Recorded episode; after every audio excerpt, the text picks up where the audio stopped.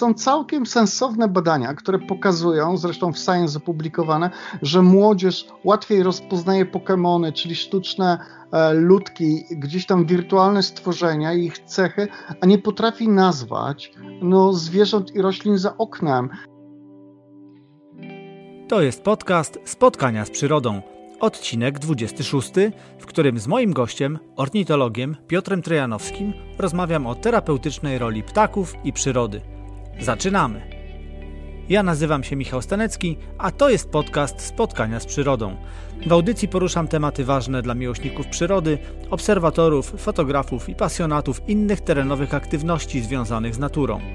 Rozmawiam z gośćmi, czasem zawodowcami, czasem amatorami, ale zawsze z zamiłowania przyrodnikami, specjalistami z różnych dziedzin. Jeśli chcesz odpowiedzialnie obcować z naturą, lepiej ją rozumiejąc, jeśli chcesz być skuteczniejszym obserwatorem i robić lepsze zdjęcia, to ten podcast jest dla Ciebie. Jeśli dodatkowo poprzez swoje działania chcesz także reprezentować i chronić przyrodę, to tym bardziej ten podcast jest właśnie dla Ciebie. Zapraszam.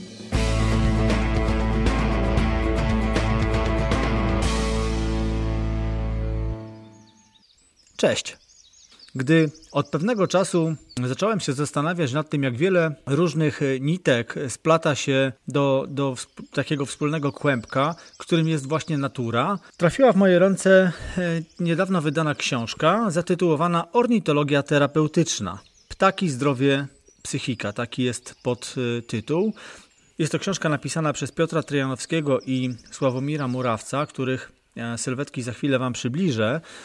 Natomiast y, faktycznie zacząłem zastanawiać się nad tym, że mm, w ostatnim czasie, no zobaczcie, jak wiele tropów prowadzi nas do, do natury, gdzie zaczynamy zataczać takie duże, duże koło i, i tak wracamy do natury. Co dzisiaj jest bardzo modne. Zobaczcie, e, wystawianie ciała na zimno. Przecież morsowanie od kilku tygodni nie słyszymy o niczym innym, tylko o tego typu aktywnościach.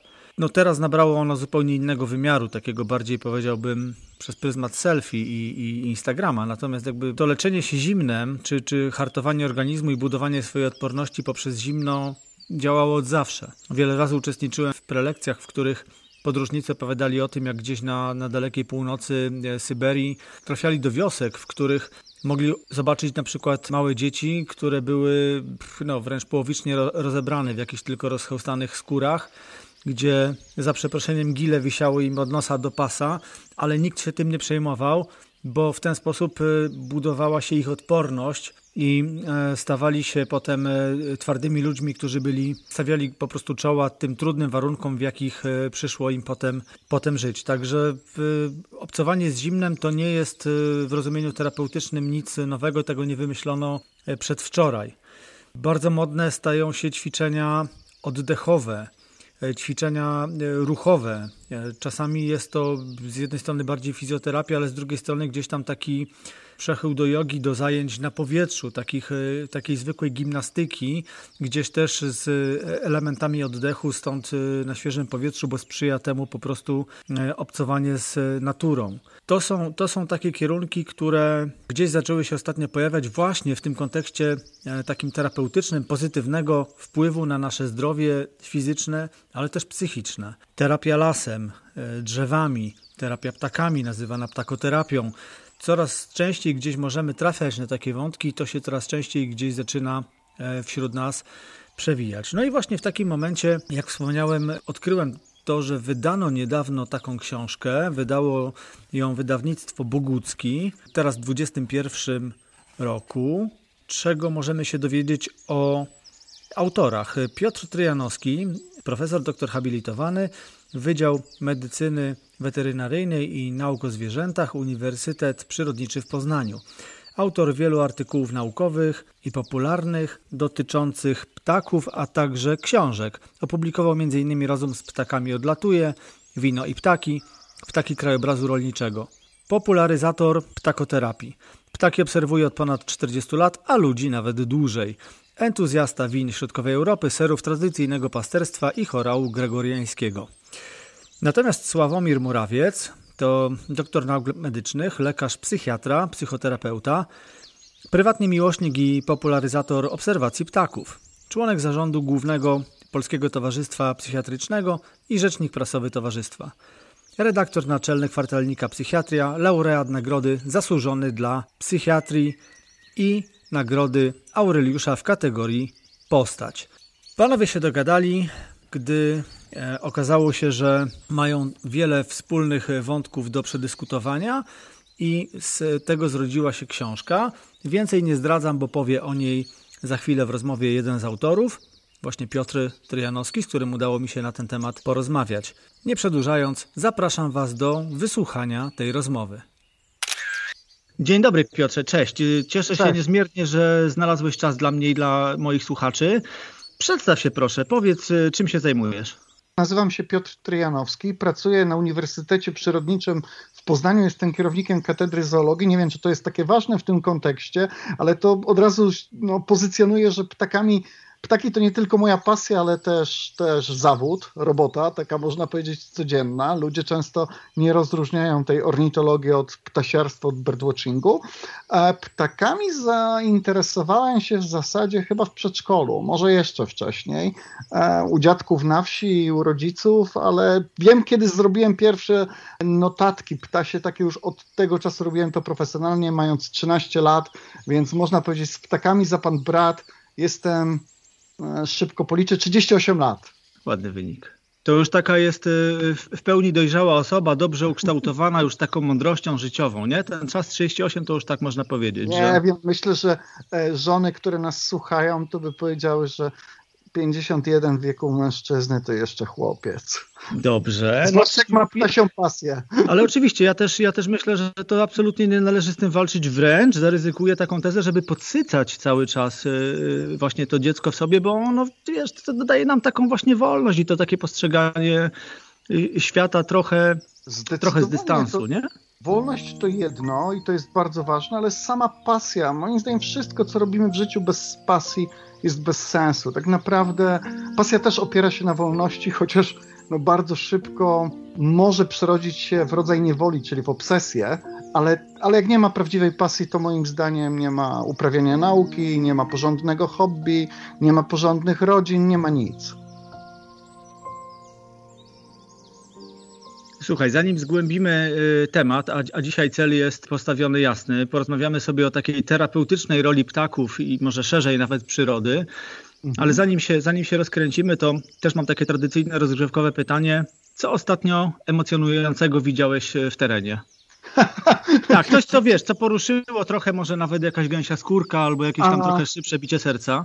Większej gęsiej skórki nie, bo u mnie gęsią skórkę wywołuje w zasadzie każdy widziany gatunek, nawet tak zwany pospolituch. Najbardziej lubię srokosza i, i to no, po prostu nawet jak jadę samochodem, to jestem w stanie się zatrzymać na dłużej, bo to jest takie bicie serca. I teraz jestem na Zaolziu, jak nagrywamy ten program, czyli na powiedzmy tej części Śląska Cieszyńskiego, która leży w Republice Czeskiej i dzisiaj co najbardziej mnie kręciło? Chyba jest wielkie stada sikor. To było, tutaj mamy minus 7, minus 8, a latają sikory i to tak nie tylko bogatki i modre, tylko i czarnogłówki i ubogie przylatują do Kremnika, także to jest naprawdę świetne.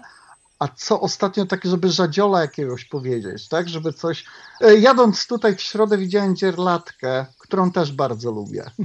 Super, no to fajnie. Bo to też już jednak zaliczamy do rarytasów dzisiaj, nie? To zależy gdzie. Ja myślę, że w Wielkopolsce i na granicy z Dolnym Śląskiem są naprawdę bardzo przyzwoite populacje.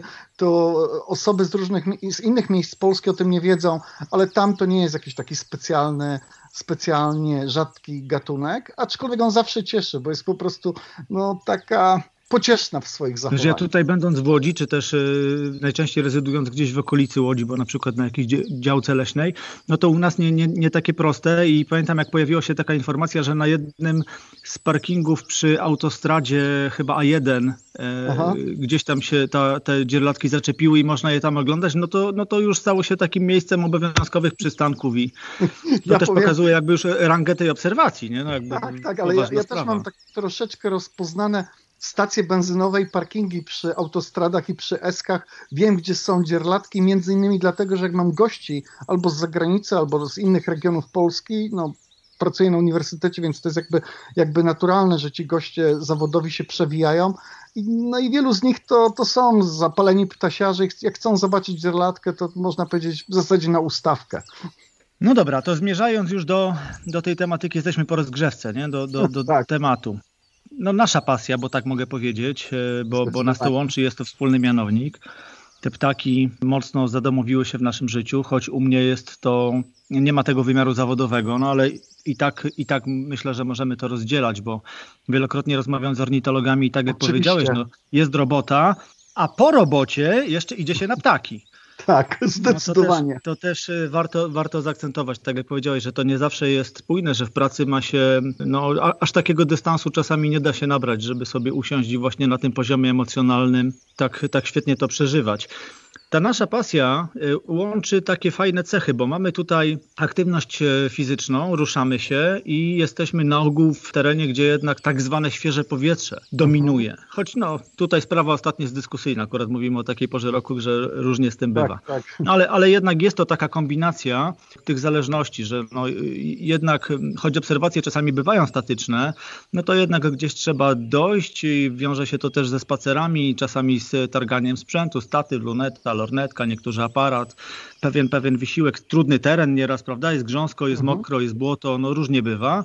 Więc są tak, góry. aktywność, a, są góry, dokładnie tak, ta, ta aktywność jak najbardziej fizyczna, tak, y, a z drugiej strony no, oddychamy.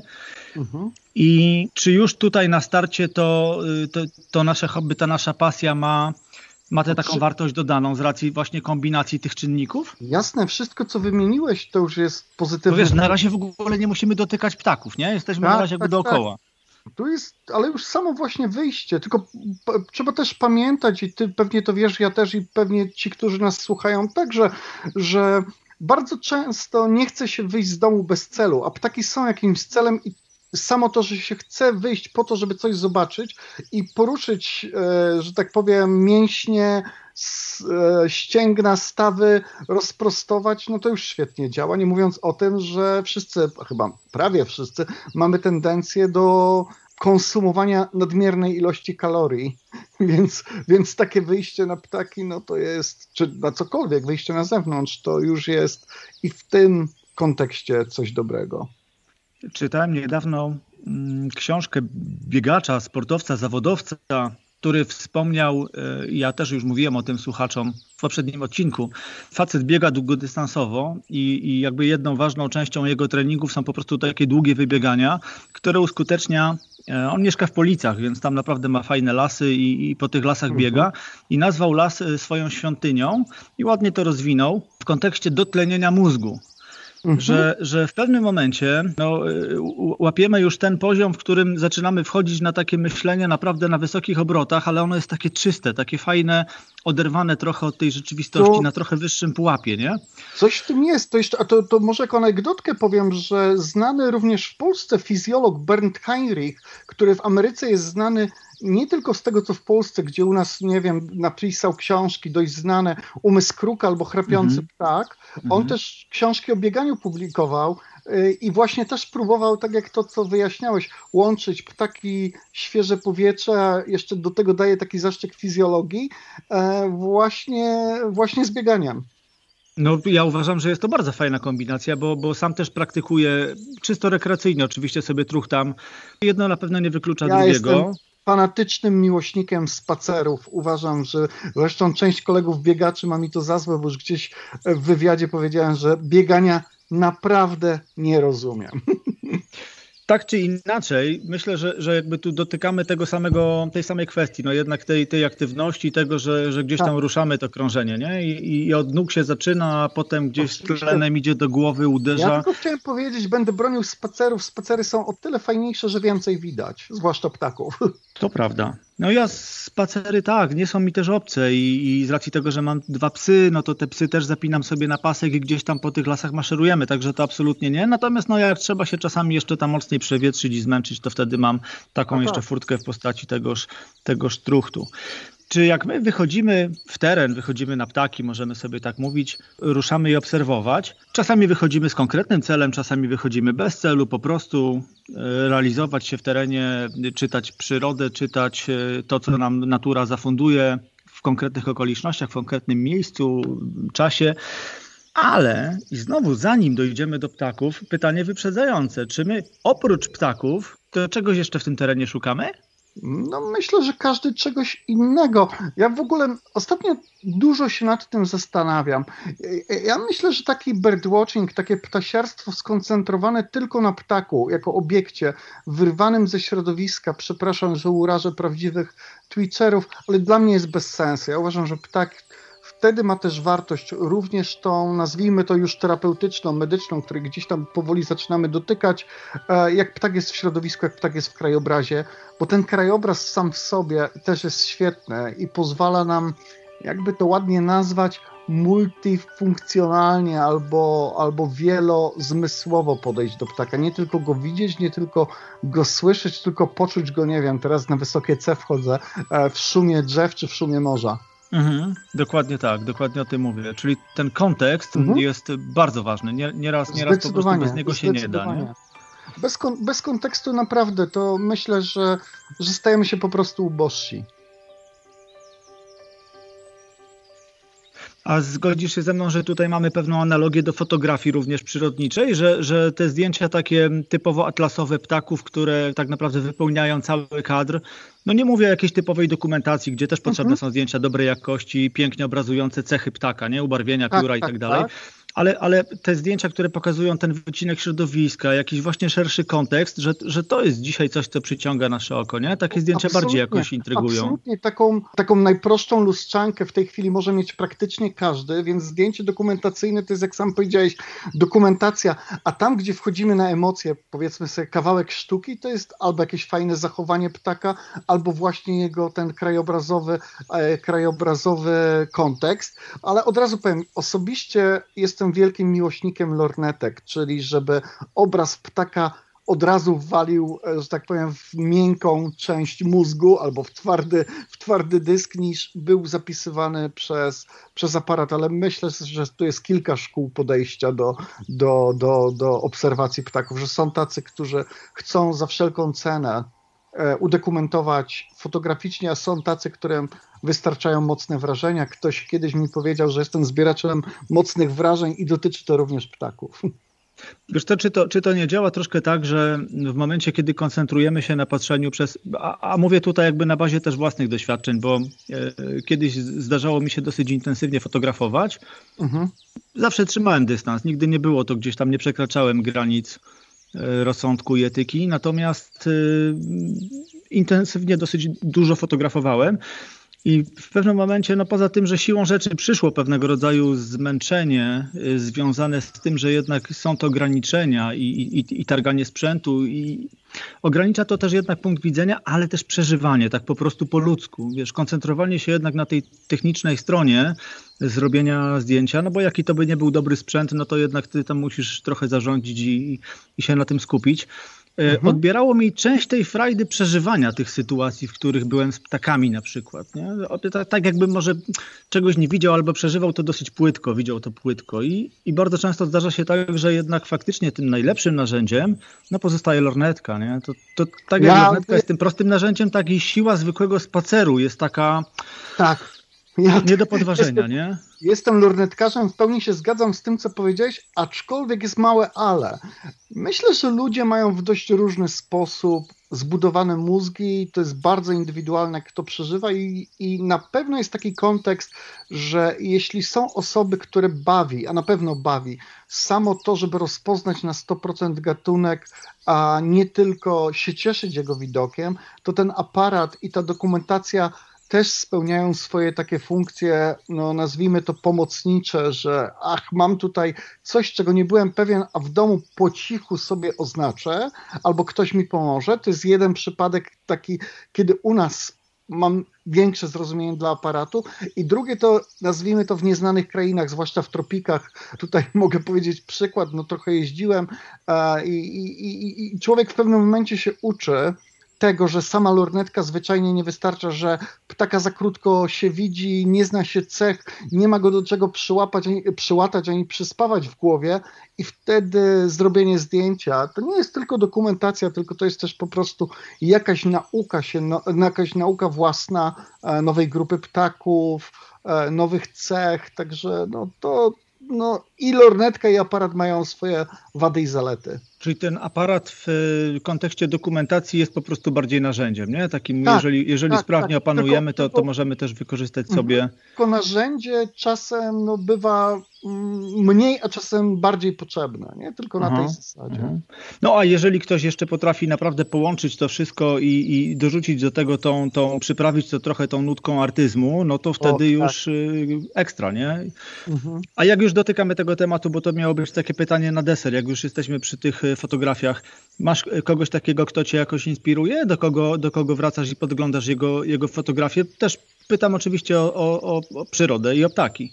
Kurczę, chyba nie. Jakoś, ja, jeśli pytasz, czy oglądam na przykład albumy albo coś takiego, nie. Ja mam też wadę wzroku, więc chyba niektórych rzeczy nie widzę dobrze. Poza tym ja wiem, że to zabrzmi dziwnie, ale jestem czasem tak zmęczony pracą przy komputerze, właśnie pracą taką analityczną. Że pracą... ani chwili dłużej że ani chwili dłużej i wtedy samo wyjście w teren, wzięcie lornetki, e, pójście sobie, no uwielbiam Zaolzie, tutaj pochodzenie po Beskidach to jest najfajniejsza rzecz, którą, którą mogę robić i jakby takiej specjalnej inspiracji nie poszukuję. Oczywiście z dzieciństwa pamiętam rzeczy, które mnie inspirowały, gdzieś nawet mam taki obrazek, jeden czy drugi, który mi został, nie wiem, starsi, starsi słuchacze pewnie będą pamiętać, był taki, e, taka jedna fotka dość znana, ona się pojawiła w paru miejscach chyba ten pan Włodzimierza Łapińskiego, e, Wilk e, i Żuraw i to gdzieś tam mam w oku, no i oczywiście pamiętam, no to ale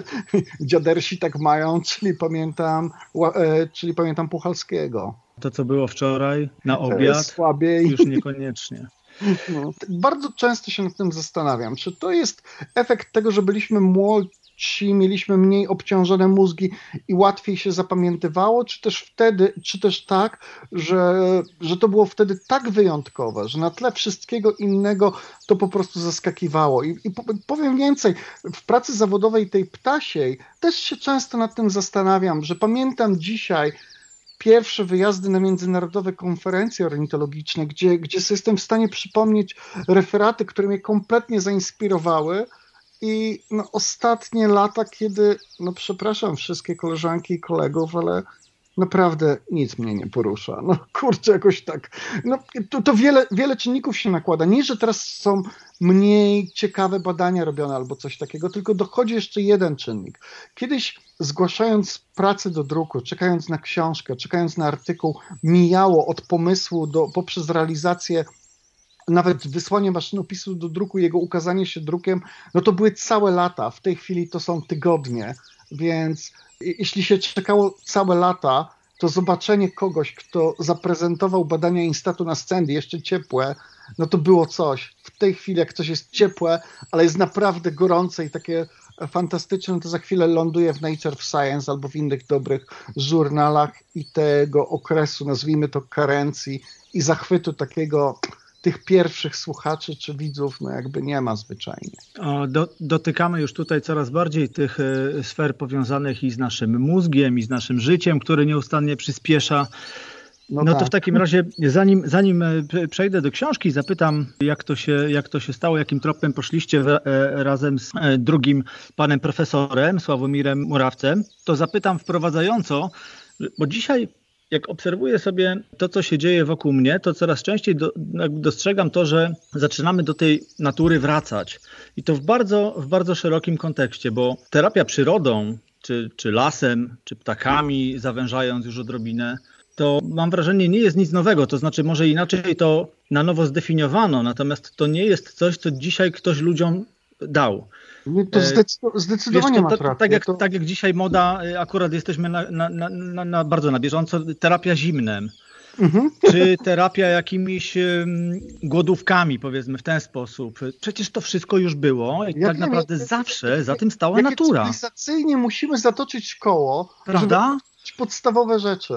Ja tutaj niedawno e, rozmawiałem też w jednym e, odcinku z artystą, muzykiem, który zaczął e, nagrywać dźwięki natury, takie tworzyć pejzaże dźwiękowe.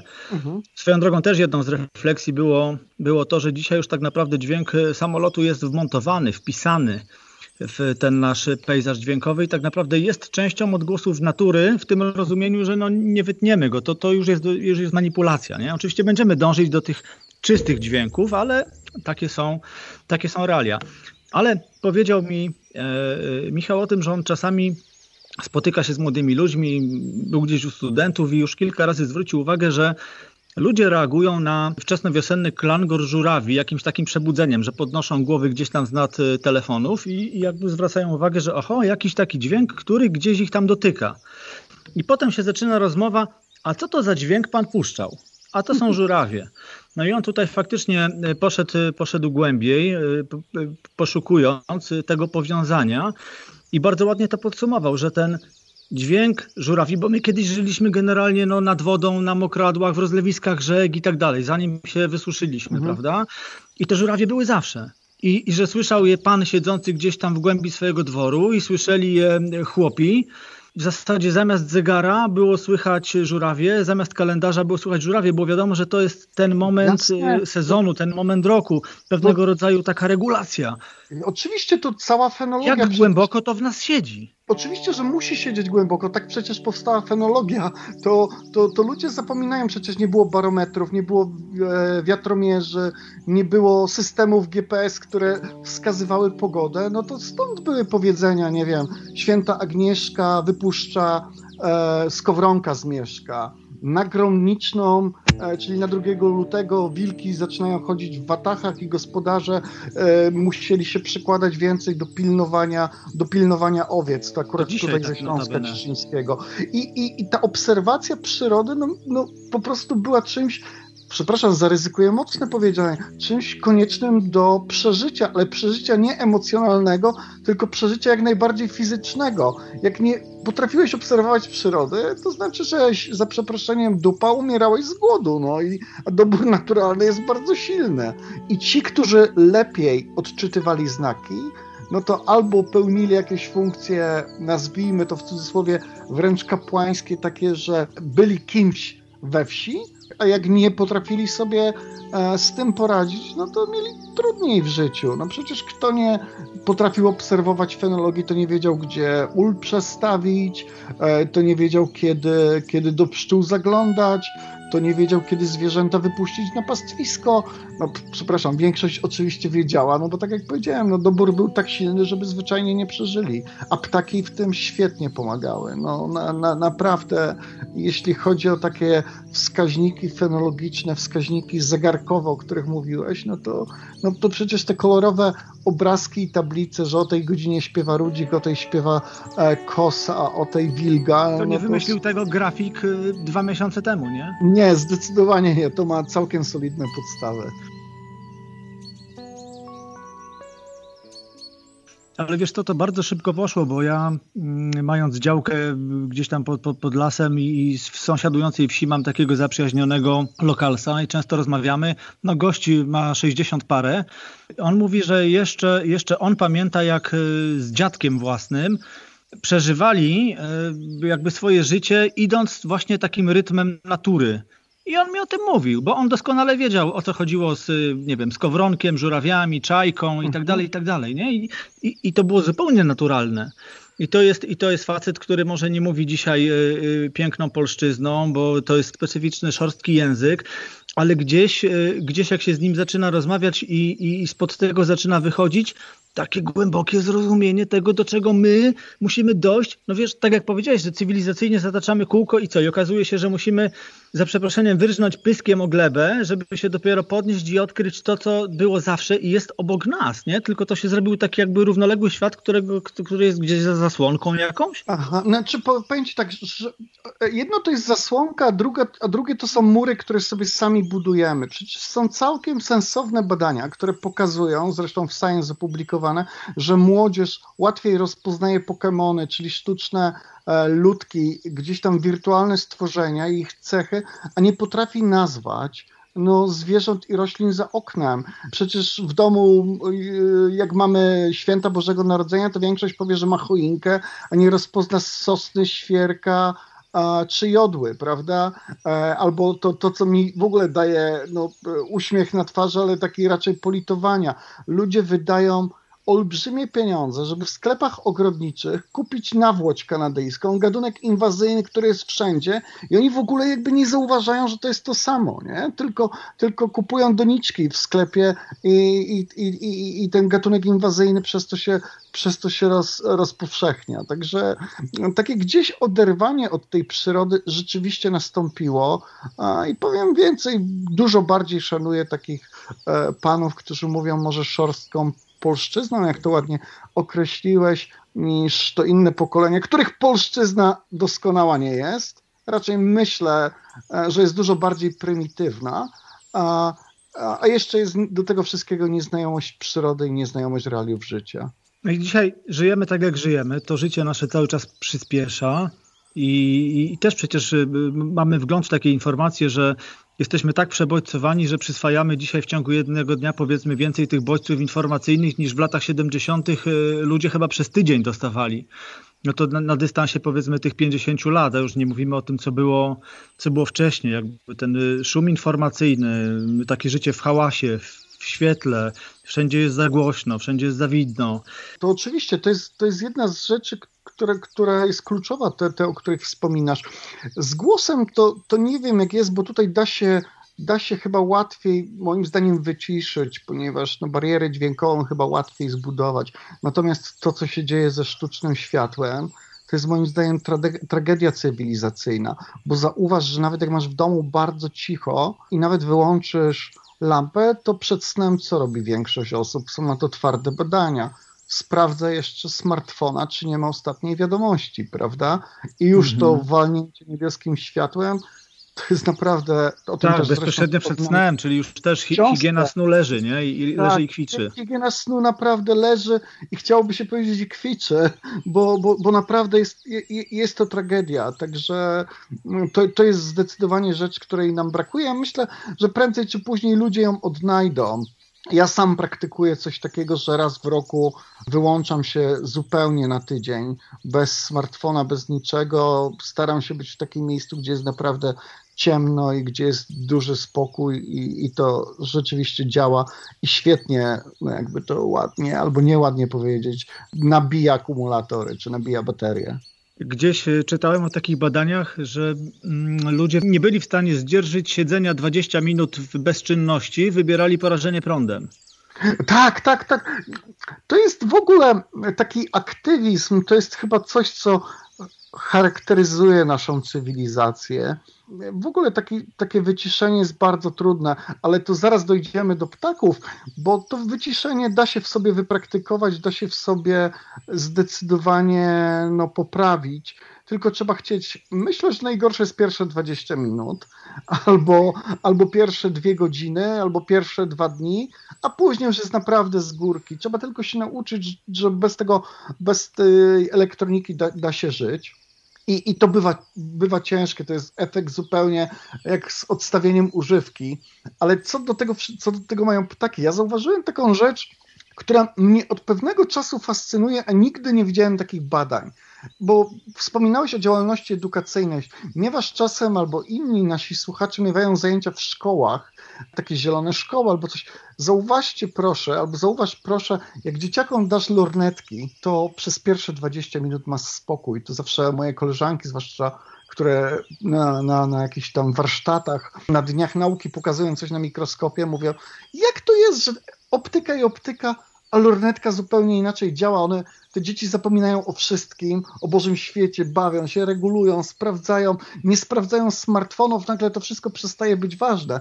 Czyli jakbyśmy dali jakiś dobry odpowiednik, zastąpili jedną rzecz drugą. To jest stara zresztą metoda dość znana od świętego Ignacego z Loyoli, który mówił, że jak chcesz wyplenić jakieś zachowanie, to, to nie da się tak tylko powiedzieć nie rób tego, tylko znajdź sobie coś zastępczego i tak jest ze wszystkim. I moim zdaniem właśnie chodzenie na ptaki takie odpowiedzialne, właśnie korzystanie ze sprzętu optycznego, korzystanie z lornetki, chodzenie w miejsca te ciche albo z dźwiękami natury, e, tej, którą, którą chcemy, o której wspominałeś, albo chodzenie pod ciemnym niebem, ciemnym w sensie takim, że może być, że tak powiem, roz, e, roz, rozgwieżdżone, ale w naturalny sposób, a nie sztucznym światłem, to zdecydowanie coś fantastycznego To miałem taką refleksję kilka dni temu, bo u nas tutaj w centralnej Polsce y, spadło trochę śniegu. Tutaj jest dużo całkiem.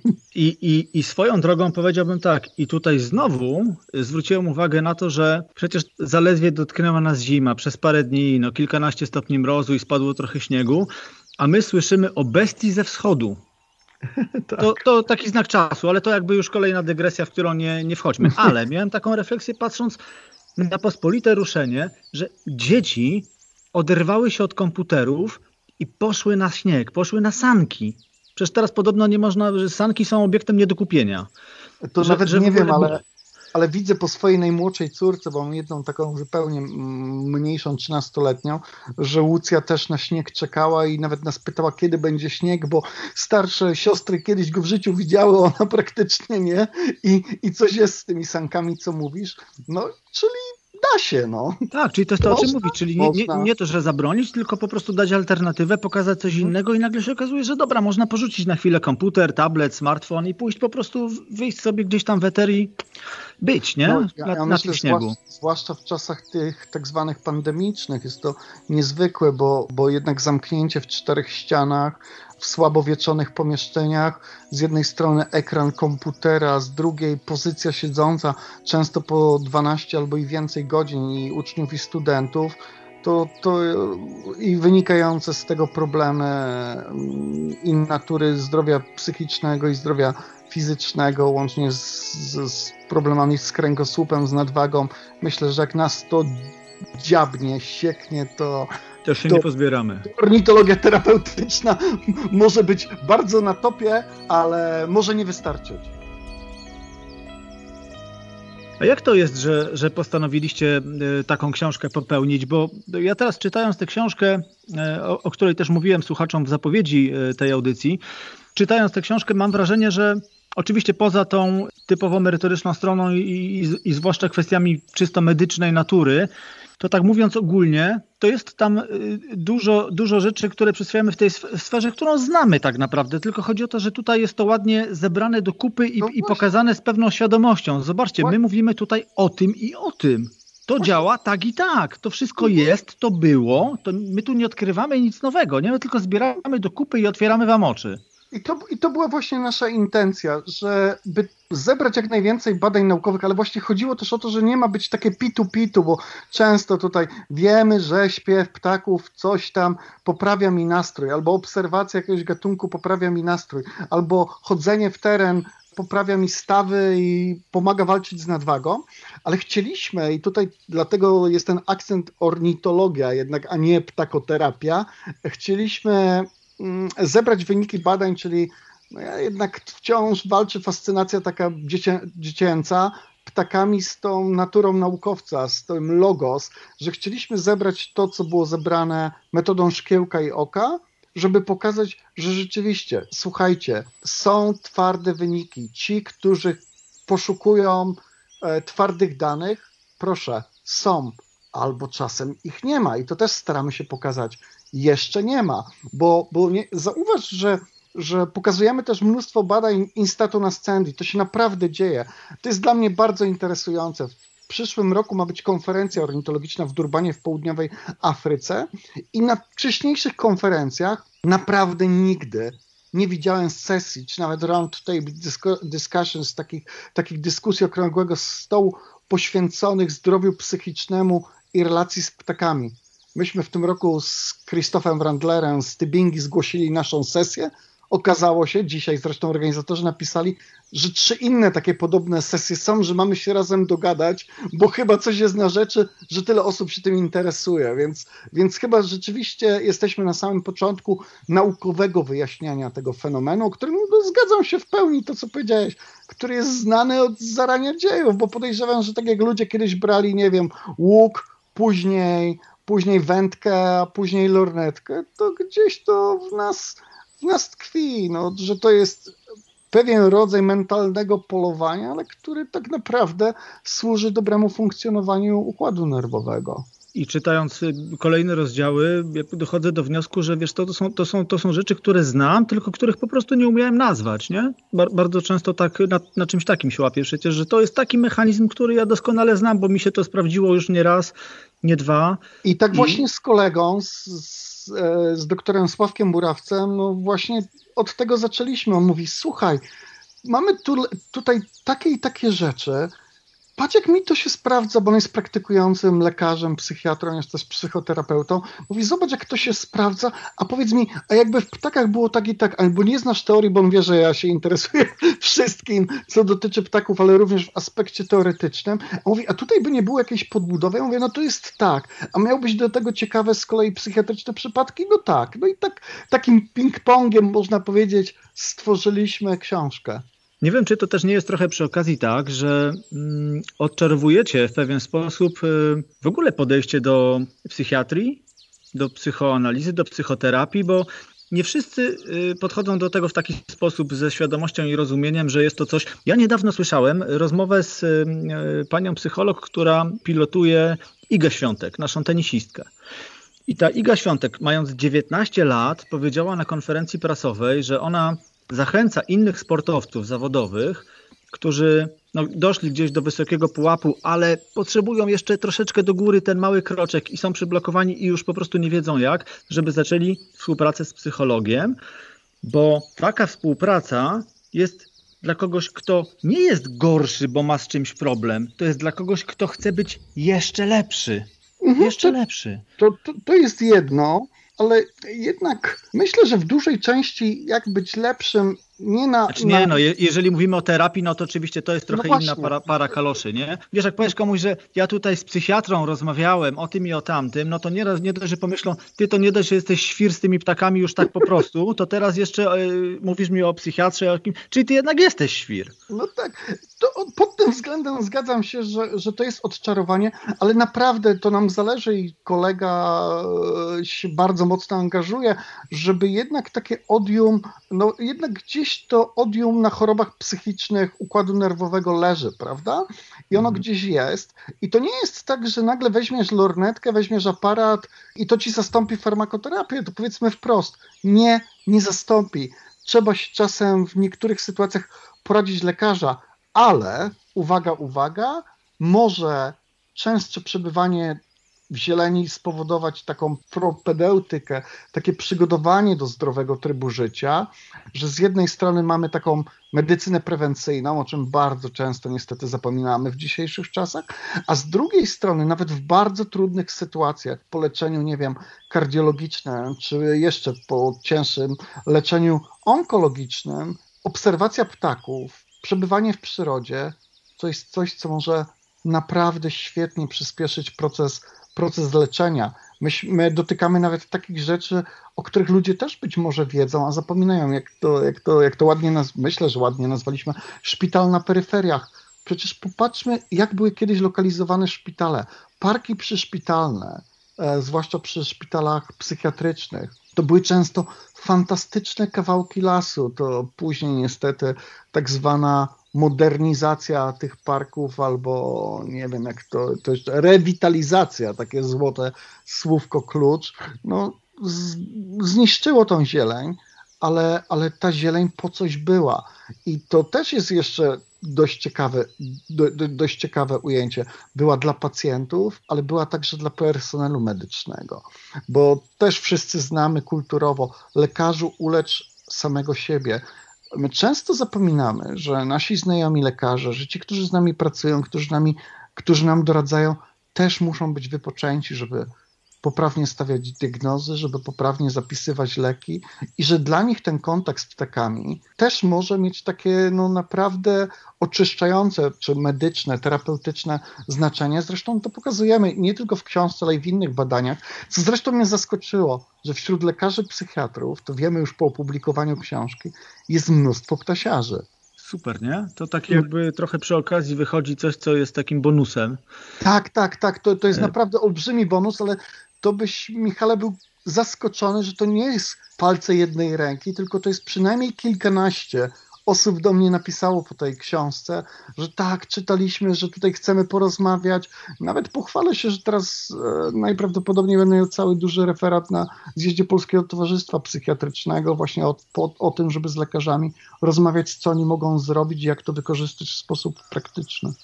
Wiesz, ja mówiąc, że bonus, to też mam na myśli y, głównie to, że jakby no te wasze wnioski, które, które y, y, pisząc książkę, do których też doszliście i które nam wyłożyliście w taki fajny sposób, no to jakby dostając jeszcze sygnały od, od ludzi, jak to się ładnie mówi, ze środowiska, tak, no to, to tylko utwierdza że poszliście dobrą drogą po prostu, że to, to, był strzał w dziesiątkę. To jeszcze nie wiem, czy w dziesiątkę, natomiast to jest w ogóle rzecz, o której zapominamy i pewnie tobie jako twórca audycji, podcastów czy czegoś tam, każdemu człowiekowi jest miłe, jak dostaje tak zwany feedback, takie takie niekoniecznie to musi być dla urka i pogłaskanie, bo ja wi widzę, jakie tam są negatywne rzeczy. Niektórzy twierdzą, że jest zbyt hermetyczne, niektórzy, że, że właśnie to są raczej nasze prywatne fascynacje niż jasne podręcznikowe ułożenie sprawy. Ja, ja to wszystko widzę, ale jakikolwiek feedback, właśnie to takie, to by, to by można było poprawić, a to świetnie zadziałało, a to by można było pokazać jakoś inaczej, a tutaj jeszcze jest taka i taka praca. No to, to, to, są fascynujące rzeczy, niezależnie czy się zajmujesz ptakami, lornetkami, e, owadami, czy chodzeniem na ryby. Informacja sprzed kilku dni, może kilkunastu już. E, Niemcy bodajże przeprowadzili teraz takie badania. Okazuje się, że od początku pandemii, jakby w skali całego globu, wielokrotnie wzrosło e, przepisywanie antydepresantów i oni e, wyłapali, że jest, e, jest pewna grupa ludzi, którzy przyjmują tych leków stosunkowo mniej i są to ludzie, którzy żyją w otoczeniu drzew. Mhm.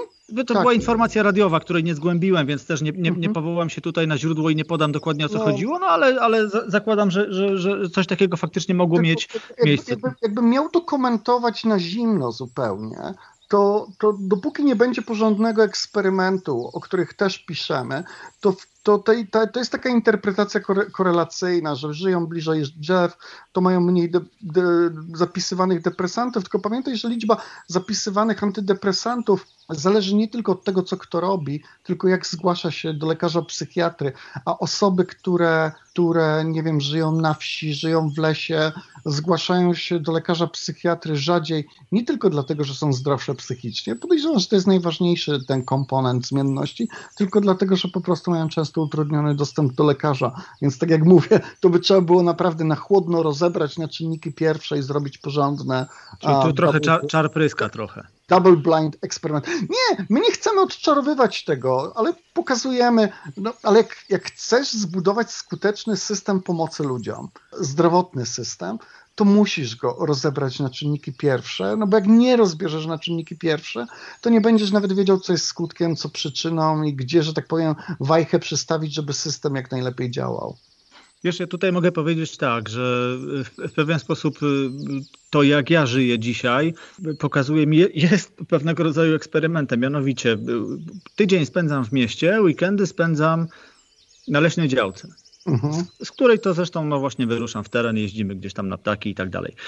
I do, dopóki nie było tej działki, ja tego typu odskoczni nie miałem, no to też nie do końca miałem e, świadomość tego, jak jest w tym mieście. No dzisiaj widzę, widzę mam bezpośrednie porównanie jeden do jednego i to, mhm. o czym rozmawialiśmy, y, nie musimy tutaj głęboko wchodzić w kwestię zdrowia psychicznego, y, o, o prześwietleniu miasta, naświetleniu miasta, y, o, no o, tak. o hałasie, o tego typu rzeczach, no, o jakości powietrza chociażby, którym oddychamy. Doskonały moment jest też, żeby, żeby o tym wspomnieć. O, tak. no, to, no, to, no to wiesz, to, to, to tutaj czuję się jakby w środku tego eksperymentu. Nie? Jest, jestem po prostu i to robię. Nie? I jakby też można, każdy może samemu tutaj pewnego rodzaju wnioski wyciągać. Do tego, do tego zresztą namawiamy, bo we współczesnej medycynie, we współczesnej nauce jest coś takiego, co się nazywa evidence-based medicine, czyli medycyna oparta na, na wiedzy, na, na, na, na faktach, e, takich, że robimy mnóstwo badań, e, prób kontrolnych,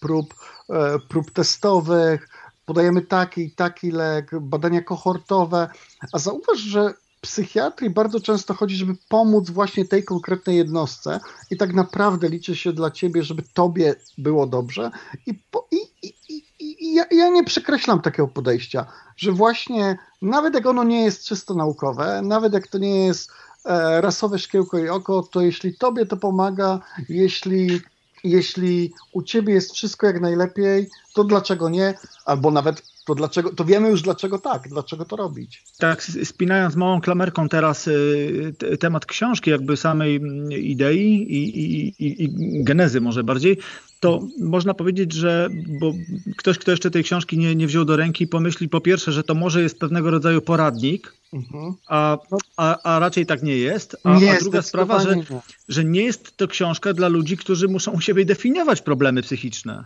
Zdecydowanie nie, zdecydowanie nie. Tytuł nawet wskazuje być może podręcznik, dla innych, że poradnik nie.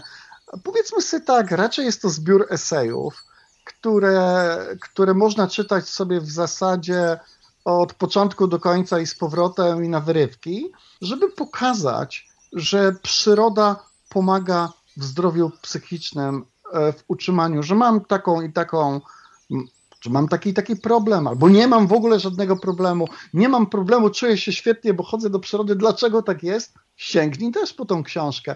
E, jest, mam trochę obniżony nastrój, to być może po, potrafimy wyjaśnić, że to jest brak witaminy D, brak słońca, dlaczego tak tęsknimy za tropikami. Ci, którzy raz spróbowali, na to też są twarde dowody, że nie wiem, to co mnie bardzo interesuje i w ogóle jest zaniedbaną dziedziną, to jest tak zwana pomoc również ptasiarska osobom wykluczonym, na przykład na wózkach inwalidzkich.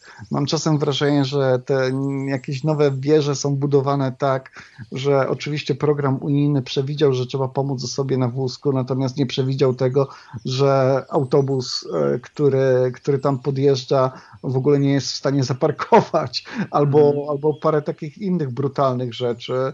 No, mnie bardzo interesuje, no, z przyczyn rodzinnych też, stwardnienie rozsiane, jak z takimi osobami pracować, jak pracować na przykład z osobami, ptasio to wydaje się bardzo dziwne, z osobami niedosłyszącymi albo niedowidzącymi. Okazuje się, że można i że są jakieś śladowe terapie, więc to nie jest tak, że, że ptasiarstwo, podglądanie ptaków jest zamknięte zamkniętą, elitarną grupą tylko dla wysportowanych, biegających i takich, którzy ten sprzęt potrafią przenosić, że nie wiem, glapienie się, przepraszam za słowo, w karnik na pewno jest cenniejsze od spoglądania, czy tutaj właśnie będzie bardziej na miejscu glapienia się w telewizor i że ten karnik może mieć znaczenie terapeutyczne, że nie musisz rozpoznawać 450 gatunków. Jak rozpoznajesz 5 przy swoim domu, świetnie, super. Jakbyś co tydzień się nauczył jednego nowego, to, o, to przez parę lat rozpoznasz całą,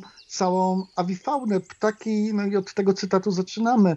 E, czyli jednym z cytatów jest, e, jest zdanie chyba najbardziej znane. Orwell? Z Orwella, tak jest. Wszystkie zwierzęta są równe ale niektóre są równiejsze. No, ptaki są zdecydowanie najrówniejsze ze wszystkich. A dotykając y, tej płaszczyzny emocjonalnej, już teraz y, wychodzimy w teren, idziemy na ptaki. Czasami, czasami miałem taką sytuację, że zabierałem ze sobą kogoś takiego jeszcze świeżego, surowego, kto stawiał mhm. pierwsze kroki.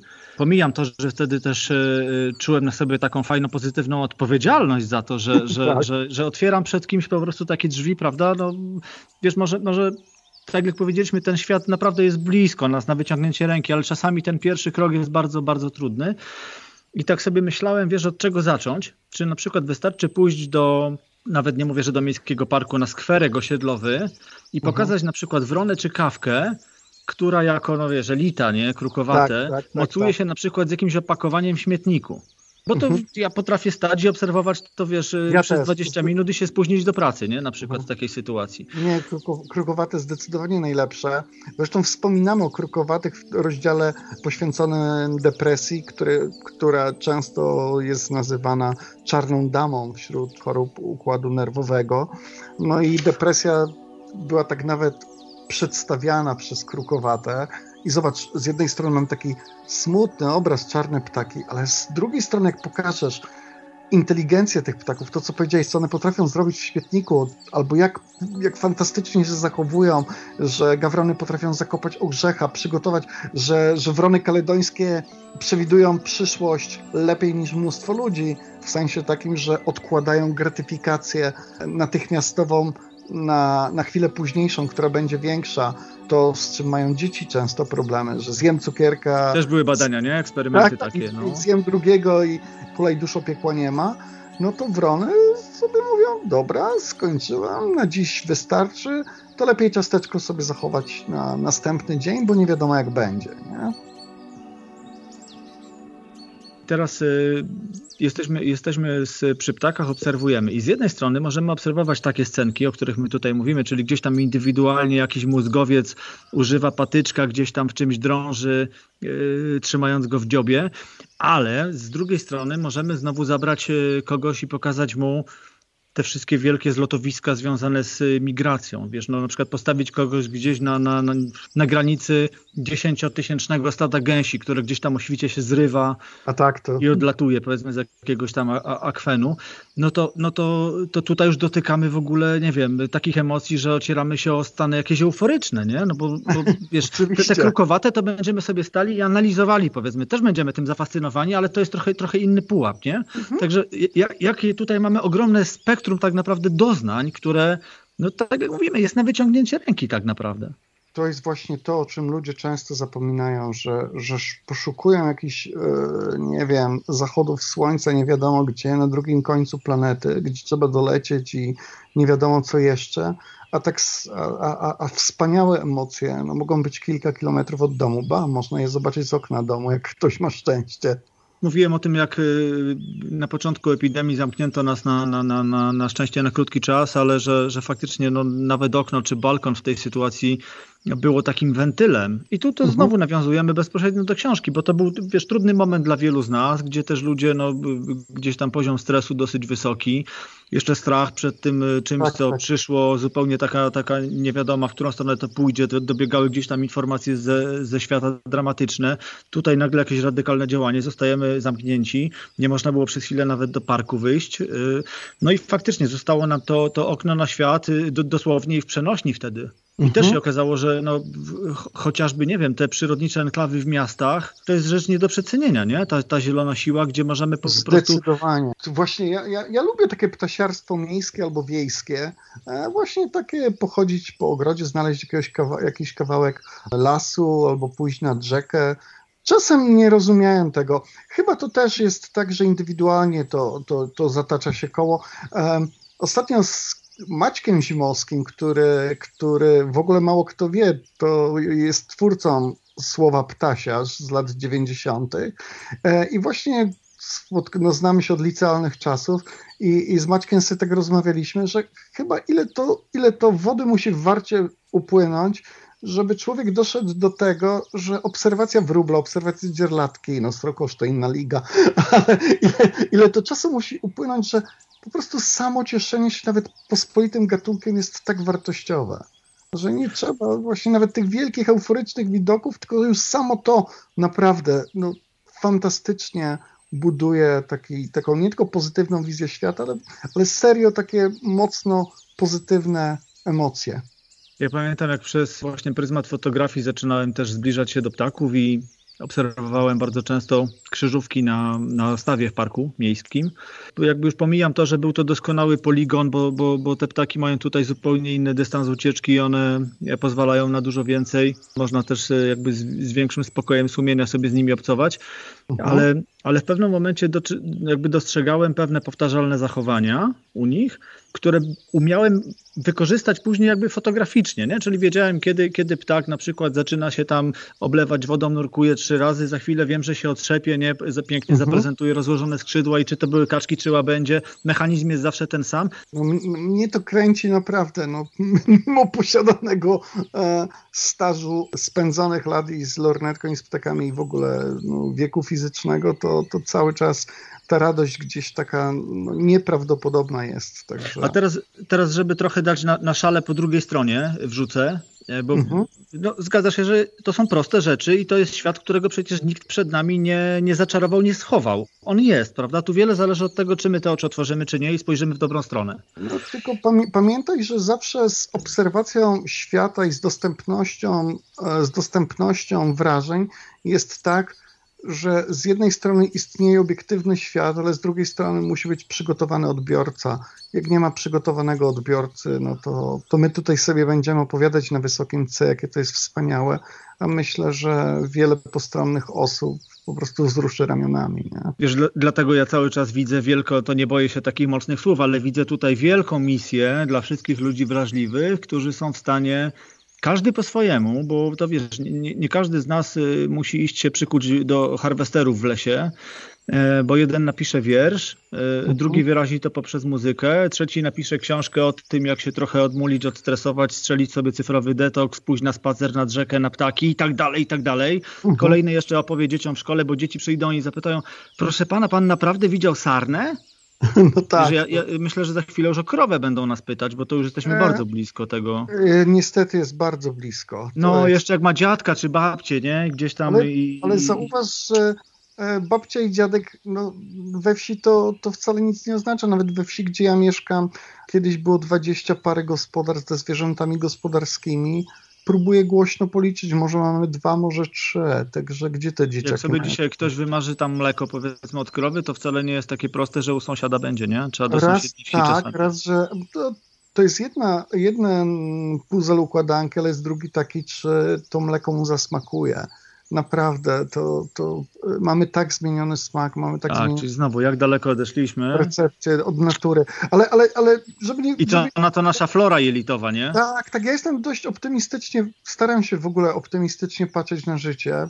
Myślę, że prawdziwy realizm jednak zakłada jakąś dawkę optymizmu, no to, to, to myślę, że ludzie wrócą do tego, spokojnie tu już na pewno dotknęliśmy tego, w, wspominając, że cywilizacyjnie zataczamy koło i zaczynamy wchodzić w to, odkrywać to, co, co cały czas jest obok nas. No, tak naprawdę. Ale y, y, zatrzymam się jeszcze na tym, bo z jednej strony są to proste mechanizmy, wychodzimy, oglądamy i, i zaczyna się dziać, ale z drugiej strony nie każdy, i tu znowu dotykamy książki, nie każdy dzisiaj umie się na chwilę zatrzymać, czy nawet zwolnić, już nie mówię, że zatrzymać, zwolnić. Wymaga mhm. to też pewnego skupienia, pewnego wyciszenia. No ten eksperyment z prądem i bezczynnym siedzeniem, tak, prawda? Że, tak. że wybierali jednak porażenie, bo 20 minut bezczynności było ponad. Ja, ja myślę, że też sam nie jestem najlepszym doradcą, ponieważ jestem raczej osobą wysoko motoryczno Aha, aktywną. Aktywną mhm. bardzo. Trochę się wiercisz, trochę cię nosi. Tak, z pogranicza ADHD i, i, i, z małą potrzebą snu i tak dalej, ale z drugiej strony nawet sam po sobie wiem, że, że po prostu to, co mówisz, że się, ale tutaj trzeba się nauczyć. Po prostu, jeśli nie jest to naturalne, że jeśli naturalnie nie jesteś zmęczony albo podminowany, albo po prostu zwyczajnie cały czas jesteś na tak zwanym stand-by'u, no przepraszam, no musimy się nauczyć wyłączać, bo, bo, bo, bo cena, którą zapłacimy prędzej czy później, za to będzie no, olbrzymia. I ci, którzy się tego nauczą, po prostu wygrają. Ale czy też, y, czy to nie jest tak, że te ptaki dają nam taką możliwość zbudowania sobie na nowo pewnego fundamentu, na którym po prostu będziemy żyli lepiej? Bo wiesz, mocne, mocne słowa i da, daleko wybiegam mhm. jakby w takim myśleniu, ale, ale zobacz, czego nas te obserwacje ptaków uczą. Tak jak powiedziałem, no trzeba zwolnić, trzeba się zatrzymać, spróbować się skoncentrować, no, mieć pewną świadomość tego, co robimy. Dzisiaj ładnie się mówi obecność, uważność, nie? Mindfulness, tak, tak, przecież to jest po prostu... Tak, o tym. Tak to dokładnie jest dzisiaj to, trafiamy w punkt i znowu sięgamy, zaczynamy się uczyć, zaczynamy ćwiczyć umysł, bo musimy zapamiętać konfigurację e, piór, nie wiem, e, mhm. wielkość e, dzioba i tak dalej, i tak dalej.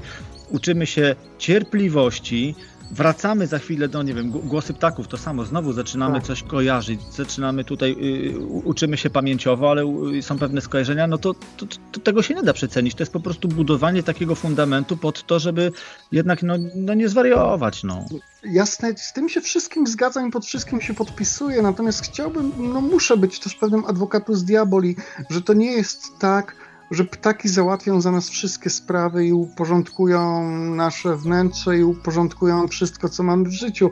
Ja też boję się... Dlatego książka nie jest poradnikiem, przepraszam. Tak, ale boję, boję się też drugiej rzeczy, że żeby nie zrobić ptaków z jednej, obserwacji ptaków z jednej strony obsesją, bo różnica między pasją a obsesją naprawdę czasem płynnie przechodzi, a z drugiej strony, żeby ptaki też nie były substytutem, albo nawet nie wiem jak to nazwa, nazwać, takim steropianowym pudłem, w którym które, które zakryją nasze inne problemy, nie? że po prostu to jest naprawdę fascynująca rzecz. Wszystko, o czym powiedziałeś, wszystko się w pełni zgadza, natomiast... No, Czyli natomiast... mogą się stać takim trochę nałogiem w tym, w tym e, tak. negatywnym rozumieniu, że to będzie nasza ucieczka? E, myślę, że tak. Myślę, że, że to niestety może doprowadzić, oczywiście mam nadzieję, że trudniej, ale, ale, ale, ale przecież są znane przypadki ze świata. Nie chcę tutaj ani reklamować, ani zawołować, gdzie, gdzie to naprawdę moim zdaniem ma charakter uzależnienia. Dobrze wiemy z naszego środowiska, że przez to się rozpadały rodziny, że przez to były zaniedbane dzieci, że przez to zawalano pracę, przez to zawalano własne zdrowie, to co miałoby by służyć naszemu zdrowiu, prawda? Także, no, żeby nie wpadać w takie może to nie jest najlepsze słowo bagno, ale właśnie w takie obsesyjno-kompulsywne podejście do tego zagadnienia ptasiego. I tutaj, I tutaj pięknie podskórnie y, wyczułeś, o to zapytam cię w kolejnym moim pytaniu i pięknie nawiązałeś, przeszedłeś do y, książki, którą napisałeś wcześniej, Rozum z ptakami odlatuje, bo dokładnie tego dotykamy w tym momencie, o tym mówimy, tak. czyli o tym, o tym świecie ptasiarzy, y, bardzo szeroko rozumianym i opisanym przez ciebie na, na wielu płaszczyznach tak naprawdę, doskonale ci znanym od kuchni, wiemy jak jest i to kolega, jak napisałem tą książkę, tego w książce nie ma, e, zawsze, zawsze sobie za mnie żartuje, to starszy obserwator ptaków, on mówi, i ty takie rzeczy piszesz, jak sam mówiłeś, bez Twitchu nie ma życia tematy bardzo aktualne nadal, bo y, znowu parę dni temu też gdzieś widziałem, że, że, że rozeszła się po informacja po internecie a propos e, sowy jarzębatej, prawda? Tak, że tak. zdarzyli się tam znowu jacyś fotografowie, obserwatorzy, że jakieś rzucanie kulkami śniegu było w sowę, bo przecież trzeba dynamiczne ujęcia mieć i tak dalej. Także tutaj jesteśmy cały czas na bieżąco i temat się nie wyczerpuje. Dotykamy i tych czatowni komercyjnych, i jakby całego tego bałaganu z tym związanego. No to też jest taki mój konik i ja też tutaj w zasadzie cały czas z e, słuchaczami e, prowadzę taką miękką, delikatną dyskusję, w którą stronę idziemy, czy, czy tak jak powiedział jeden z moich rozmówców w poprzednich odcinkach, środowisko fotograficzne w ogóle jest samo w sobie bardzo mocno skłócone, że nie idzie, ja nie mówi spójnym językiem. Nie jest, wiesz, fotografia przyrodnicza nie jest takim narzędziem, właśnie do robienia dobrze, nie? Do robienia dobrze, mm, no właśnie słyszy się o tym, jak, jak wszędzie są czarne owce, te sytuacje są gdzieś tam mocno nagłośniane i potem staramy się my rozmawiać na przykład z myśliwymi i oni nam odbijają taki prosty argument, no ale to jak wy tam z tymi myszami, no to, to, to co to była za sytuacja? Nam tu mówicie, że my nieetycznie walimy przy nęcisku do zwierząt, a wy robicie dokładnie to samo. Uh mhm. -huh. No tak jest, no niestety. Ale ja nie wiem, nie znam się za bardzo na fotografii, ale też, żeby nie wylać dziecka z kąpielą, bo, bo, bo, bo też fajna fotografia, no to sam powiedziałeś, no, dotyka artyzmu i potrafi zagrać. Zagrać niektórym bardzo dobrze na emocjach, nie? Więc to, to święty Tomasz z Akwinu mówił, zapomniany filozof, mówił, że najtrudniejszą cnotą do praktykowania jest roztropność. No i to jest po prostu, to chyba się za nami będzie wciąż ciągnęło. W każdej dziedzinie życia, co? Tutaj tak. nie, nie wymyślimy nic mądrzejszego, zdaje się. Piotrze, na koniec chciałbym, żebyś jeszcze zarekomendował jeszcze inną twoją książkę. No, książeczkę, można powiedzieć. Tak. Dla prawdziwych e, smakoszy, można by powiedzieć. Bo Dla tu koneserów. I, koneserów, dokładnie. Książka Ptaki i wino. W kilku mhm. słowach, bardzo cię proszę. Od lat się interesuję poza winem enologią i to taką, no, część rodziny pochodzi z północnych Moraw, czyli tutaj już się zaczynają winnice, dlatego tak często jeżdżę na Zaolzie, to jeszcze nie Morawy, ale już historycznie prawie. No i uważam, że winie winie jest cywilizacja, winie jest prawda, in vino veritas, no i wino ma mnóstwo wspólnych cech z ptakami. Może jest znacznie mniej dynamiczne, natomiast jest pewne połączenie z krajobrazem, jest pewne połączenie z ziemią, jest pewne połączenie z terapią, jak nie przesadzać no, wino czy winnice to są wspaniałe siedliska dla ptaków, że ptaki trafiają na winne etykiety, że możemy do wina też podchodzić z takim ornitologicznym, nie mówię zaliczającym zacięciem, ale z takim, że jednak, żeby zwracać uwagę na to, co się pije, żeby cieszyć się każdym kąskiem i żeby, no nie wiem, ktoś mi podesłał taki śmieszny mem z trzech moich książek Właśnie rozum z ptakami odlatuje, wino i ptaki i ornitologia terapeutyczna i było tak, wpierw mu rozum odleciał, później się napił, to teraz potrzebuje terapii. No, nie chciałbym, żeby to było do końca tak rozumiane, ale, ale troszkę tak jest, że to wino wpisuje się w pewien krajobraz. Ja ja wiem, że w Polsce głównym trunkiem braci berdłoczerskiej, ptasiarskiej E, jest piwo i nawet zrobiliśmy takie drobne badania. Myślę, że niedługo będzie artykuł, czy, czy nawet rozdział w książce, którą, którą piszą koledzy kulturoznawcy, ale, ale wino jest zdecydowanie szlachetniejsze i to jest też coś takiego, no, które też zmusza do refleksji a ma jedną cechę, o której tutaj mówiłeś. Wyrabia uważność, jak się nauczymy, wyrabia cierpliwość, że to nie jest napój, który się żłopie, tylko właśnie no można, można przy nim sporo pomyśleć, można nawiązać e, ciekawe, ciekawe relacje. Ja powiem, że, że wielu współpracowników, ornitologów, z którymi pracuję zawodowo, ale też ptasiarze, no to często celebrujemy, czy sukces pracy naukowej, jak nam gdzieś przyjmą do druku, nawet teraz zdalnie, no bo większość osób, z którymi pracuję, to są osoby z zagranicy, z Francji, z Czech czy z Norwegii. Po prostu umawiamy się, że otwieramy dzisiaj wino w takim i w takim przedziale za tyle i tyle punktów, w zależności od tego, gdzie praca jest przyjęta, no, że to jest taka, nie wiem, czy to jest kultura, ale jakaś kulturka, jakiś sposób, sposób na życie i łączenia tego z ptakami. Moja małżonka też bardzo lubi wino, więc często o tym rozmawiamy i tak e, chyba bardziej wino niż ptaki. To faktycznie można powiedzieć, że, że nawet na takiej mm, płaszczyźnie bardziej artystycznej, jak siadam sobie i biorę do ręki jakiś e, zacny album fotograficzny, mhm. no to faktycznie idzie w parze, żeby sobie tak zanurzyć się w tym albumie, to właśnie kieliszek wina, tak. no, aż, się, aż się prosi, nie? Aż się no. prosi.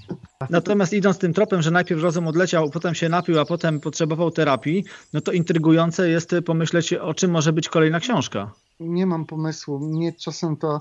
Znaczy, wiem, jaka, jaką chciałbym książkę napisać na samo zakończenie kariery akademickiej, ale to jeszcze nie będę zdradzał, bo myślę, że jeszcze z 20 lat pociągnę e, e, w, temacie, w tematach ornitologicznych, ekologicznych mnie naprawdę interesuje tak mnóstwo rzeczy, mam tyle różnych innych zaległości dnia codziennego, że przyznaję uczciwie, że o, o jakiejś dużej książce nie myślę, natomiast z kolegą, z, ze wspomnianym doktorem Sławkiem Murawcem myślimy i jeszcze z jedną panią doktor o, o wspólnej książce dotyczącej ekoterapii, ekopsychiatrii, ale raczej na takiej zasadzie redaktorskiej, że z skojarzymy większą liczbę autorów, lekarzy, psychiatrów, psychologów, psychoterapeutów, neurobiologów i rasowych biologów, e, łącznie z ptasiarzami, czy, czy z osobami z innych dziedzin, żeby pokazać taką no, szersze, kompleksowe podejście z takiego pogranicza medyczno, medyczno-przyrodniczego. Fajnie, brzmi bardzo, bardzo ciekawie i zachęcająco. I jeszcze powiem, i mamy taki tak, pomysł, proszę żeby było to ilustrowane lepiej niż obrazkami, tylko myślimy o takich fantastycznych wkładkach fotograficznych, być może czarno-białych, być może innych. Jakiś tam pomysł taki, nazwijmy to, edytorski też, też już w głowie mamy. Czyli od strony estetycznej też y, będziemy połechtani. No to jest niestety tak, że zauważ, że w tych książkach, które są niekomercyjne dzisiaj, rynek książki w Polsce, rynek audycji podcastowych, wszystkiego, no jest chyba dość mizerny w stosunku do innych krajów. Nawet do, do cztery razy mniejszej Republiki Czeskiej. I większość z tych książek to są takie zabawy po kosztach i to wiedzą wszyscy, fotograficy przyrody, wiedzą osoby piszące książki o mniejszych nakładach. No ale z drugiej strony, jak nie chcesz mieć sponsora, firmy medycznej czy jakiejś innej i cenisz sobie niezależność, to ja uważam, że czy nie chcesz mieć dotacji, to uważam, że nawet kosztem edytorstwa warto zachować wolność, no ale to każdy wybiera co chce. Też mało tego, to nawet y, y, ludzie, którzy, nie wiem, postawili sobie za cel wydawanie y, periodyku jak Ptaki Polski Tomka Krzyśkowa, no to, to też tak. gdyby nie opierało się na pasji i tak naprawdę entuzjazmie grupy ludzi, no to e, ekonomicznie podejrzewam, żeby się nie wybroniło do utrzymania na rynku. Z Tomkiem też się znamy od szkoły średniej i Ptaki Polski są zresztą, no, można powiedzieć, patronatem medialnym ornitologii terapeutycznej. No i super. To ładną klamerką tutaj y, zamykamy temat. Piotrze, bardzo Ci dziękuję za tę ja rozmowę. Dziękuję.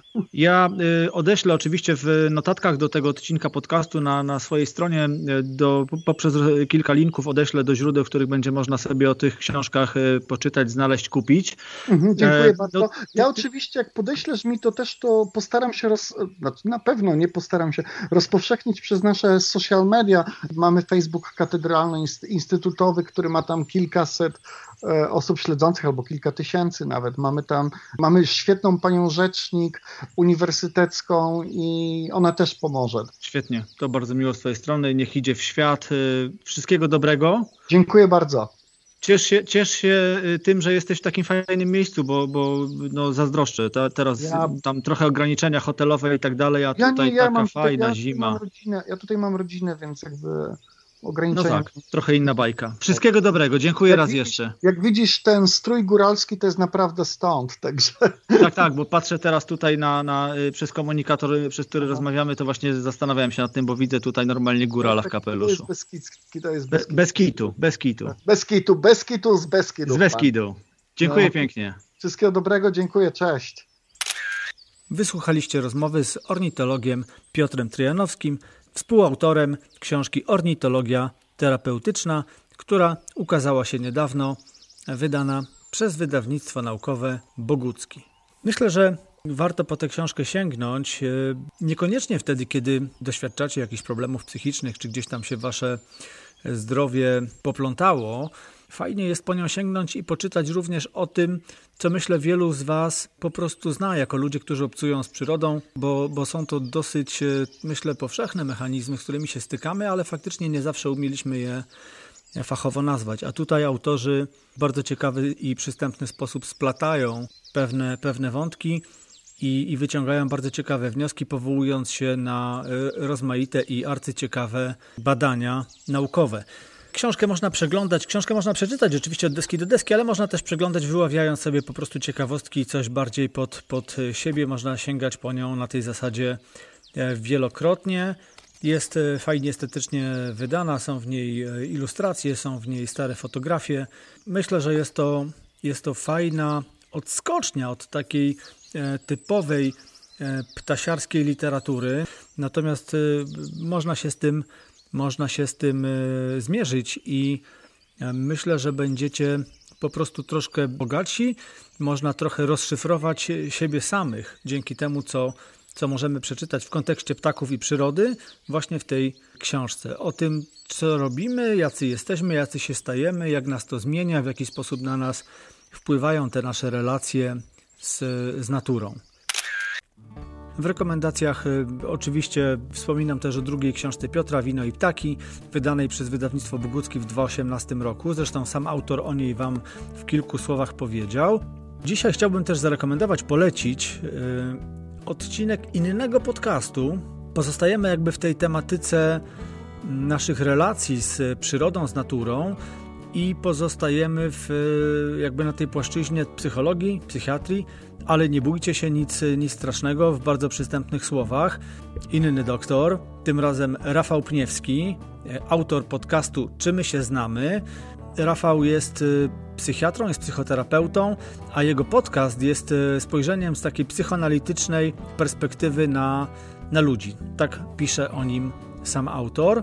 Jest to takie spojrzenie z perspektywy na ludzi, zarówno w odniesieniu do indywidualnych cech osobowości, jak i do tego, co się dzieje w mniej i bardziej skomplikowanych ludzkich relacjach.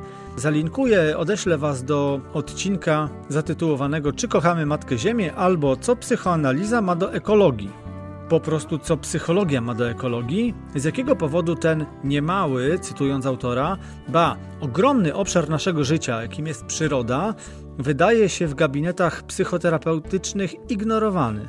Jak to się dzieje, że z jednej strony zdajemy sobie sprawę z zachodzących niekorzystnych albo już nawet niebezpiecznych zmian klimatu, a jednocześnie dalej żyjemy jak gdyby nigdy nic? O tym jest właśnie ten e, odcinek i to, to, to rozważanie doktora o naszym stosunku do świata przyrody i o mechanizmach psychologicznych służących niewidzeniu niewygodnych spraw, warto posłuchać i, faktycznie autor nazywa tam pewne mechanizmy po, po imieniu i tłumaczy nam, jak to jest, że umiemy faktycznie wypierać z naszej głowy i naszego życia jakby realia i zagrożenie bezpośrednie przecież już za chwilę zmianami klimatu, które już w niektórych miejscach na świecie zaczynają się objawiać choćby tym, że brakuje wody. Więc faktycznie jest to niezła, niezła sztuka, albo nawet sztuczka umieć, e, umieć się tak ładnie obudować, żeby jako ta cząsteczka natury, której się przecież nie da od tej natury oderwać, żeby ta cząsteczka jednak potrafiła tam funkcjonować, jak gdyby nigdy nic się nie działo. Y, arcyciekawy odcinek, nie jest długi, zachęcam Was do, do przesłuchania, bo też fajnie wpisuje się w tematykę y, książki o ornitologii y, terapeutycznej i generalnie takiej terapii przyrodą, gdzieś tam nawiązuje, więc posłuchajcie, będziecie mieli jeszcze szerszy punkt widzenia na te, na te kwestie.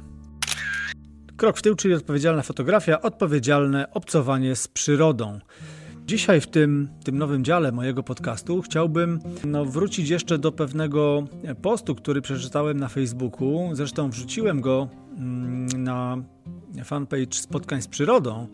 Napisała go Patrycja Wąsikowska kilka dni temu.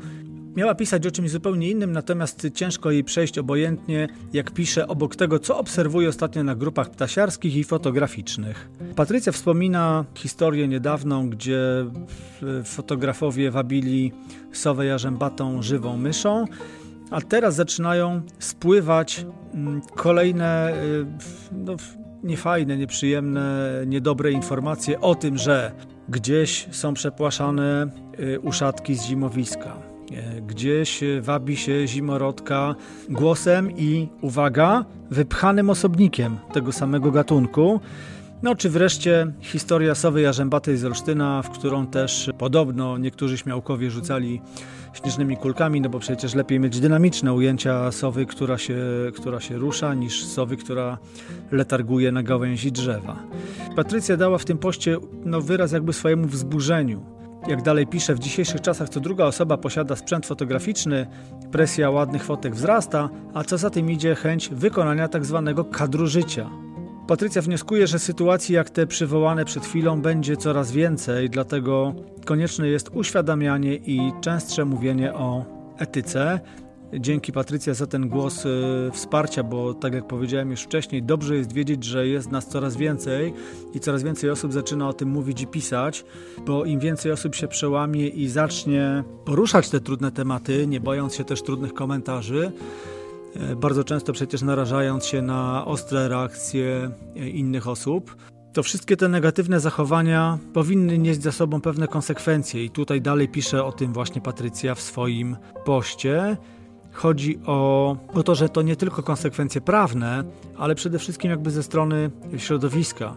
Myślę, że powinien tutaj być, tak, tak, tak domniemuję, chodzi o pewien ostracyzm i pewne piętnowanie jednak mm, tej grupy, bo, tej grupy ludzi, bo w każdym środowisku zdarzają się czarne owce i tutaj na pewno y, zgodzimy się z autorką posta bo często słyszymy o tym, że gdzieś myśliwi też w wyniku jakichś nieetycznych e, zachowań postrzelili czy zastrzelili jakieś zwierzę. W taki albo inny sposób były głośne historie wilków. E, czy jak pisze Patrycja, lasy państwowe wycinają drzewa e, z dziuplami, z dzięciołami. Mm, tak tutaj musimy mówić o fotograficznych kłusownikach, to jest doskonałe słowo i doskonałe nazwanie sprawy po imieniu. To są właśnie kłusownicy. Fotokłusownik. Myślę, że możemy tutaj sobie e, pozwolić na to określenie. To są ludzie, którzy po prostu łamią przepisy, łamią prawo. E, nie dość, że postępują nieetycznie, to po prostu najzwyczajniej w świecie łamią przepisy, łamią ustawę o ochronie przyrody. W ostatniej części swojego wpisu Patrycja pisze o tym, że Ucieszyła ją zmiana regulaminu na fotografa roku Związku Polskich Fotografów Przyrody. Wspominałem o tym w poprzednim odcinku. Mm, zostają w tej chwili wyłączone pewne gatunki z Czerwonej Księgi z udziału w konkursie, ich zdjęcia. Natomiast y, Patrycja zastanawia się nad tym, czy, czy za chwilę być może dojdziemy do kolejnej zmiany, doczekamy takiej zmiany, kiedy przyjdzie czas na wykluczenie suweczek z kwadratowymi głowami czy puszczyków uralskich lecących prosto do, do obiektywu, prosto w kierunku fotografa. Bardzo ważny głos. Y, bardzo się cieszę, że tego typu posty zaczynają się coraz częściej pojawiać. Wspierajmy się w tym dążeniu do, do tej etycznej czystości i do pewnej odpowiedzialności. Oczywiście narażamy się wielu osobom z tak zwanego środowiska fotografów i pewnie będziemy spotykali się z takimi głosami protestu. Nieraz pewnie nam się dostanie za to, że w ogóle podejmujemy taką tematykę, ale taka jest rola ludzi, ludzi wrażliwych, którzy po prostu na tego typu problemy nie zamykają, nie przymykają oczu. No i myślę, że to, że to tyle. E, po, po kilku długich naprawdę odcinkach, dzisiaj troszkę krócej, więc też już nie chcę na siłę przedłużać. Niebawem kolejne odcinki, niebawem kolejni goście. Wszystkie linki znajdziecie w notatkach do tego odcinka, zamieszczonych na stronie michalstanecki.com ukośnik 026. Będą to odnośniki do książek, do wspomnianego podcastu e, Rafała Pniewskiego. Jak zawsze zachęcam Was do pisania komentarzy, w których możecie odnieść się do treści poszczególnych odcinków, zadawać pytania, podsuwać pomysły na kolejne tematy, czy po prostu wyrażać swoje opinie na temat mojego podcastu. Jeśli podoba Wam się mój podcast, to możecie go polubić w źródłach, z których go słuchacie. Możecie go subskrybować albo udostępniać swoim znajomym. Takie działania to dla mnie nagroda za wykonaną pracę, możliwość pozyskania nowych słuchaczy, a dla podcastu dodatkowa promocja. Dziękuję Wam za słuchanie kolejnych odcinków. Dziękuję Wam za wysłuchanie tego odcinka. Naturalnie usłyszymy się już wkrótce. Cześć!